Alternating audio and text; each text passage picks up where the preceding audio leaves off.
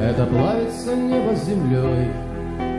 Бул александр балевдин айтылуу кандагар аттуу ыры февраль день седьмой. Ооган темасы айрыкча орус эстрадасында кеңири чагылдырылып миңдеген ырлар жаралган. Атургай ооганчыларга арналган атайын эстрадалык топтор да түзүлгөн аталган согушка катышып келген улуттук гвардиянын полковниги абдыганы маманов жогорудагыдай мазмундагы ырларды укканда жаштыгын кан кечип жүргөн каардуу күндөрүн эстей турганын кеп кылды. Анан ушул ырлардан орустарын айтып көргөндө э, салам бача кукушка кандагар ар түрдүү ушу э, под жалобады менен ырлар көп. Ошолорун ырдаганда укканда эске эске түшөт чындыгында эле маманов мындай ырлардын дээрлик ар бири кийинки муунга согуш болгон жерде дайыма азап өлүм кайгы болоорун айтып тынчтыктын кымбаттыгын даңазалап турарына ишенет. Ооган согушу жабык согуш болгону менен аскерлер арасында алгач бул тема боюнча гитаранын коштоосунда көптөгөн ырлар жаралып ал ырлар казармадан казармага учуп жетип жалпы жоокерлерге жат болуп турган экен ооганчылардын республикалык кеңешинин иш башкаруучусу тыныбек кадыров мындай чыгармалар өзүн азыр да шыктандырып турарын айтат. Биз азыр көбүнчө балдар жолукканда ушул ырларды чогуу ырдап эстеп э, көп э, башыбыздан өткөн окуяларды көп эстейбиз да. Голубые береты деген э, каскад ссср деген группалар бар. Биздин болсо ооган согушунун деген республика кеңешинин астында азыр түзүлгөн караван деген тобубуз бар. Ошо өзү афган согушунун ардагерлеринен түзүлгөн. Булар азыр жакшы репертуар көбөйтүшүп түшүп ар дайым ушу ооган ардагерлеринен иш чаралар өткөн жерде өзүнүн концерттик программаны берип келатышат ооган согушу же ага байланыштуу окуялар тууралуу советтик жана башка өлкөлөр тарабынан жүздөгөн көркөм жана даректүү тасмалар тартылган.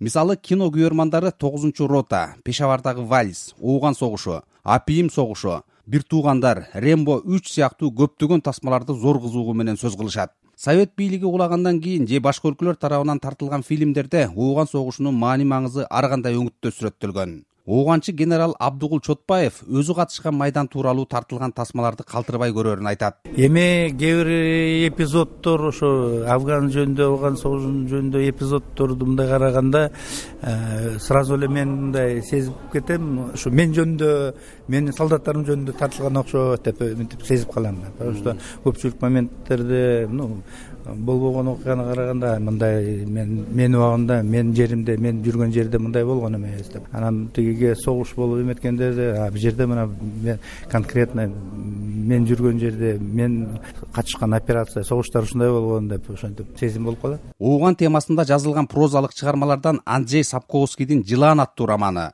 светлана алексеевичтин советтик аскер тууралуу жазган даректүү көркөм баяны кино жана театр режиссерлорун кызыктырган чыгармалардын катарында. Светлана алексеевичтин даректүү көркөм баяны боюнча бир нече тасма тартылып орусиянын жана франциянын көптөгөн театрларында коюлган адистер көркөм сүрөт искусствосунда петербургдук кыл калем чебери ооганчы анатолий хамутинниковдун эмгектери сап башында турарын айтышат. Ал бул темада жүздөн ашык чыгарма жараткан. Ооганчылар анатолий тарткан сүрөттөрдөн ошол күндөрдүн унутулган үнү кайра угулуп атургай жыты да келип турарын белгилеп келишет экен.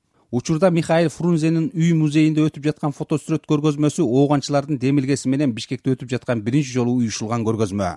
Бул тууралуу аталган мекеменин илимий кызматкери гүлира нурбаева кеп кылды ушул биз көргөзмөнү уюштурдук. Афганистан биздин эс жана кайгы деп аталат. Ушул советтик аскерлердин э, афганистандан чыгарылышынын жыйырма сегиз жылдыгына арналды. Анан негизи ушул афган согушу көп чагылдырылган эмес. Мындай ушу биздин уюштурулган көргөзмө бирден бир көргөзмө болуп саналат да.